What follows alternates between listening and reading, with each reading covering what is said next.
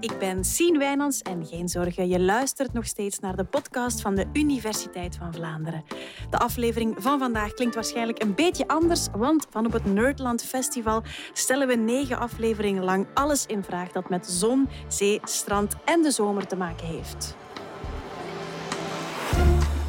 Dit is de Universiteit van Vlaanderen.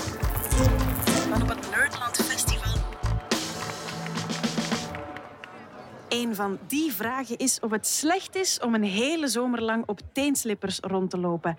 En daarvoor heb ik de hulp van biomechanicus Veerle Segers ingeroepen. Dag Veerle. Hey, Sien. Misschien eerst eventjes de link tussen schoeisel, wandelen in het algemeen en biomechanica uitleggen, Veerle.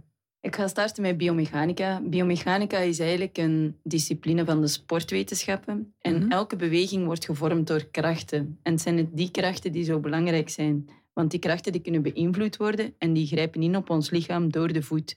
Dus al hetgeen dat te maken heeft met hoe je die krachten op jou krijgt en hoe je de krachten genereert, zijn belangrijk in bewegingen, waaronder bijvoorbeeld wandelen. En waarom is wandelen belangrijk? Wandelen is een van de belangrijkste manieren om je van de ene plaats naar de andere te begeven. En daarvoor hebben we dus ook die krachten nodig. En die krachten die kunnen beïnvloed worden enerzijds door de ondergrond. Bijvoorbeeld, je moet maar denken als je in het zand loopt of wandelt, is dat anders dan wanneer je wandelt op beton. En daarnaast heb je ook verschillende soorten schoeisel. Het is anders wanneer je wandelt met teenslippers dan wanneer je wandelt met een sportieve schoen. Ehm, dat heeft ook te maken met het feit dat die schoen bepaalde dingen doet met je voet, waardoor dat de krachten anders ingrijpen op je lichaam. Ja, en vandaag gaan we het dan specifiek hebben over die teenslipper, want elk schoeisel is dan ook helemaal anders wat betreft die krachten dan die je lichaam moeten opvangen, denk ik. Dus de teenslipper, Veerle. Ja, dat klopt. Draag jij ook soms teenslippers zien? en al meteen een ontboezeming eigenlijk zelden. Heeft vooral te maken met het feit dat ik geweldige zweetvoeten heb en onmiddellijk blaren eh, krijg als ik zo teenslippers draag. Maar we gaan daar niet over uitweiden. Maar... Dus zelden. ja. Ehm, ik, ik zelf draag af en toe ook wel teenslippers. En de meest gekende, dat zijn er met zo'n een soort van tong in de midden, Ja. die tussen uw grote teen en uw tweede teen zit, eh, waardoor dat die aan uw voet blijft. Ehm, zelf heb ik de voorkeur aan eh, teenslippers die vaster rond de voet zitten, waarbij dat je dus een, een soort van gesp hebt rond de middenvoet, waardoor dat de slipper vaster aan de voet zit. Ja, Ehm, dus eigenlijk de- vandaag hebben we het echt over die goedkope ja. teenslippers.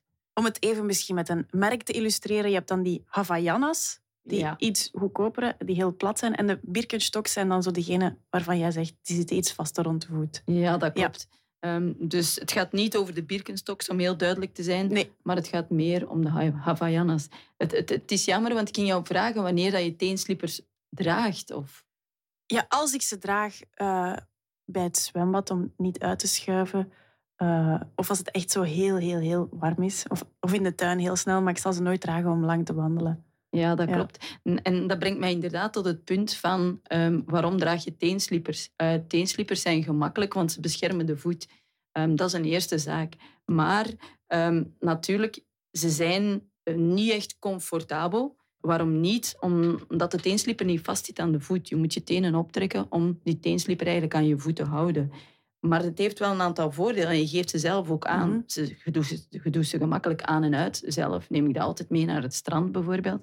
Als het zand zo super warm is, dan is het super handig om in die teenslipper te gaan en over het zand te wandelen. Dan heb je geen last van de warmte eh, aan je voet zo. Ehm, een ander voorbeeld is als ik bijvoorbeeld de post ga halen. Ehm, ik heb een heel oneffen voetpad waar dat kiezeltjes op liggen. Ja, dan doe ik mijn teenslippers aan, omdat dat anders pijn doet aan de voet zo. En dat is eigenlijk het belangrijkste dat de teenslipper doet. Hij beschermt je zo. Maar natuurlijk ehm, zijn andere schoenen hebben ook nog andere functies buiten het beschermen van de zo. Eh, een schoen, eh, zoals ik bijvoorbeeld aan heb, een sportschoen, die heeft bijvoorbeeld ook een ondersteunende functie. Die begeleidt de voetafro vanaf hielcontact tot op het moment dat je aan de tenen zit. Ehm, dus als je kijkt naar een normale voetafro, dan maak je contact met de hiel. Mhm. Je rolt af over de buitenzijde van de voet om dan uiteindelijk af te stoten op de tenen. En deze voetafro wordt ondersteund door een normale schoen, wat je bij de teenslipper niet hebt, omdat het eigenlijk gewoon een stukje rubber is dat gemaakt is om de voedsel te beschermen. Ja. ja, ik moet nu eigenlijk ook onmiddellijk denken aan steunzolen. Want sommige schoenen zijn dan zelfs voor mensen nog niet voldoende om die steun te bieden? Hoe komt dat sommige mensen dan steunzolen nodig hebben? Dat heeft voornamelijk te maken niet echt met de voorachterwaartse beweging van de voetafrol, maar eerder met de voetafrol in links-rechtse richting. Dus als je kijkt, je gaat van de buitenzijde van de voet afrollen naar de binnenzijde van de voet. Maar er zijn mensen die heel fel op de binnenzijde van de voet uh, afrollen. En daardoor krijg je klachten ter hoogte van de knieën. We hebben ja. net al gezegd in het begin dat die krachten doorheen de voet komen en dat die doorheen heel het lichaam eigenlijk getransporteerd worden. En als er iets fout gaat beneden, dan gaat het zich ook vertalen meer naar boven. Dus het helemaal op de binnenkant van de voet afrollen is zeer slecht. En dan kan je een steunzool dragen om die voedsel eigenlijk op te hogen. Ja, maar steunzolen zijn uiteraard niet mogelijk in teenslippers of andere soorten slippers. Nee, dat is uiteraard niet mogelijk. Maar je hebt natuurlijk, als we dan de Birkenstocks aanhalen, zo de tussenslag, die hebben doorgaans ook al een ondersteuning van de voet, waarbij dat er ook een ophoging is aan de binnenkant van de voet, waardoor het de voetenafrol toch een klein beetje ondersteund wordt. Ja. En is er eigenlijk een verschil tussen gewone slippers, die dan niet zo tussen je teen gaan, en teenslippers? Uh, ja, er is een verschil, want die teenslippers, um, je moet goed weten, als, als je je voet naar voren brengt om een volgende stap te doen, dan heeft je voet een hele hoge snelheid. En als je dat met teenslippers doet en je trekt je tenen niet op, dan vliegt je slipper af. Je moet maar denken aan die wedstrijdjes die ze soms doen, om ter het verste teenslipper werpen.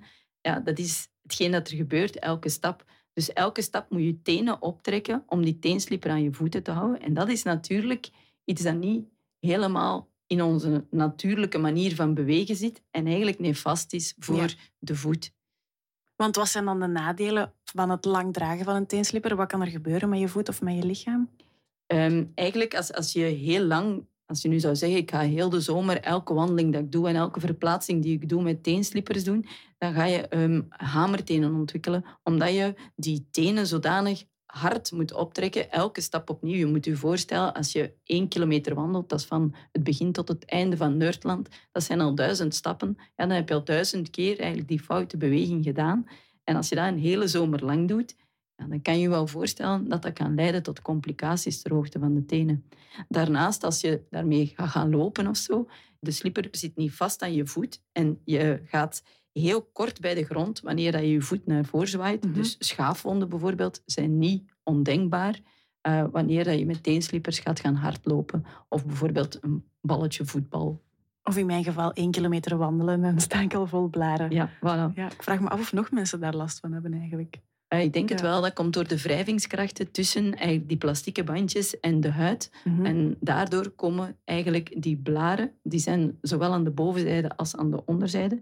En de onderzijde is omdat er daar ook geen materiaal in zit dat zorgt voor warmtegeleiding. Dus als je naar een normale sportschoen kijkt, dan gaat de warmte een klein beetje dissiperen. Ja, dat kan een stukje rubber natuurlijk niet. Nee. Dus eigenlijk is er geen enkel ander voordeel aan een buiten het feit dat die de voetzool beschermen. Ja, dat klopt. Het is natuurlijk handig en het is gemakkelijk meegenomen als je naar het strand gaat. Maar hoe zit het dan met blootsvoets wandelen of lopen? blootvoets wandelen en lopen is eigenlijk heel gezond. Want natuurlijk, de mens um, is een, een dier dat ontwikkeld is om blootvoets te wandelen en te lopen. En de voet is daar ook aan aangepast. Dus als ik geen advies mag geven aan de, alle ouders, probeer alsjeblieft om je kinderen, zelfs als ze steunzolen dragen in, in het normale leven, zoveel mogelijk binnenshuis, waar je geen bescherming nodig hebt van de voet zo, binnenshuis blootvoets te laten lopen. Ik heb dat zelf bij mijn eigen dochter Alice ook gedaan. Die draagt standaard steunzolen. Um, maar wanneer ze thuis komt, doet ze haar schoenen uit. En dat heeft gewoon te maken met het feit dat ze op die manier de intrinsieke voetspieren ontwikkeld kunnen worden en dat de voetboog verder ontwikkelt.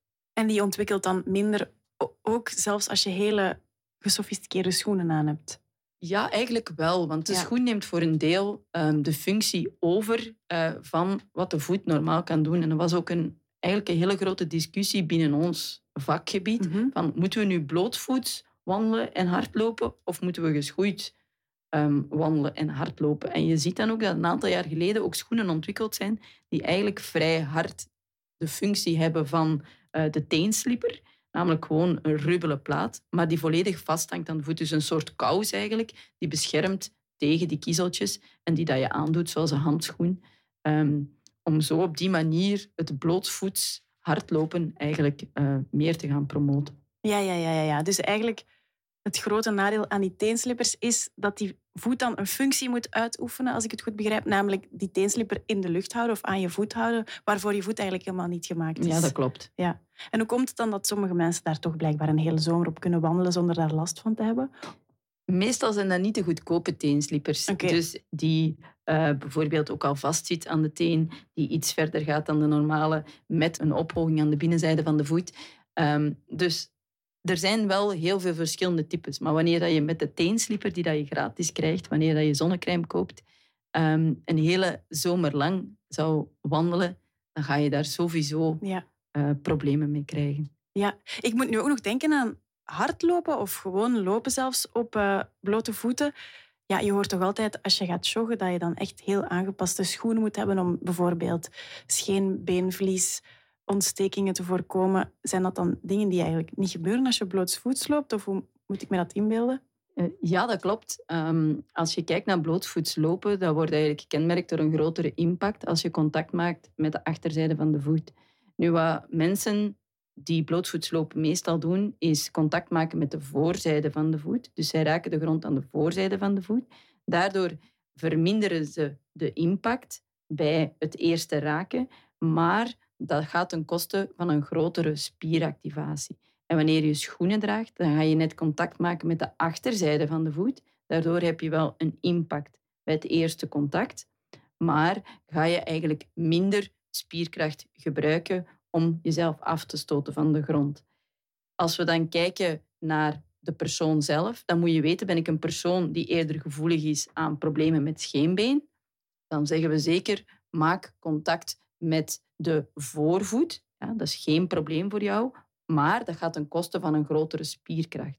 Stel dat je dan bijvoorbeeld klachten ontwikkelt ter hoogte van de spier, dan gaan we net zeggen, pak aangepast schoeisel, zodanig dat je enerzijds de impact reduceert, maar dat je niet een veel grotere eh, spierkracht moet gaan genereren om jezelf vooruit te duwen van de grond. Ja. Doe jij het soms veel, blootvoets gaan joggen? Nee, Nee. nee ik doe het niet. Ehm, ik heb een, eh, een schoen die ik heb laten eh, adviseren eh, in een gespecialiseerd looplabo. Omdat uiteindelijk, het is een beetje mijn stokpaardje. Ja. Dus Oké. Oké, dankjewel Veerle. Conclusie is dus wel dat we die goedkope teenslippers best links laten liggen. ja, dat denk ik wel. Tenzij dat je natuurlijk naar het strand gaat en dat je gewoon je voeten wil beschermen, dan is dat geen probleem. Oké, dat is duidelijk. Dikke merci. Dat links liggen dat geldt trouwens niet voor onze podcast, want de hele zomer lang trakteren we jou op heerlijk zomerse onderwerpen. Dus heel graag tot de volgende.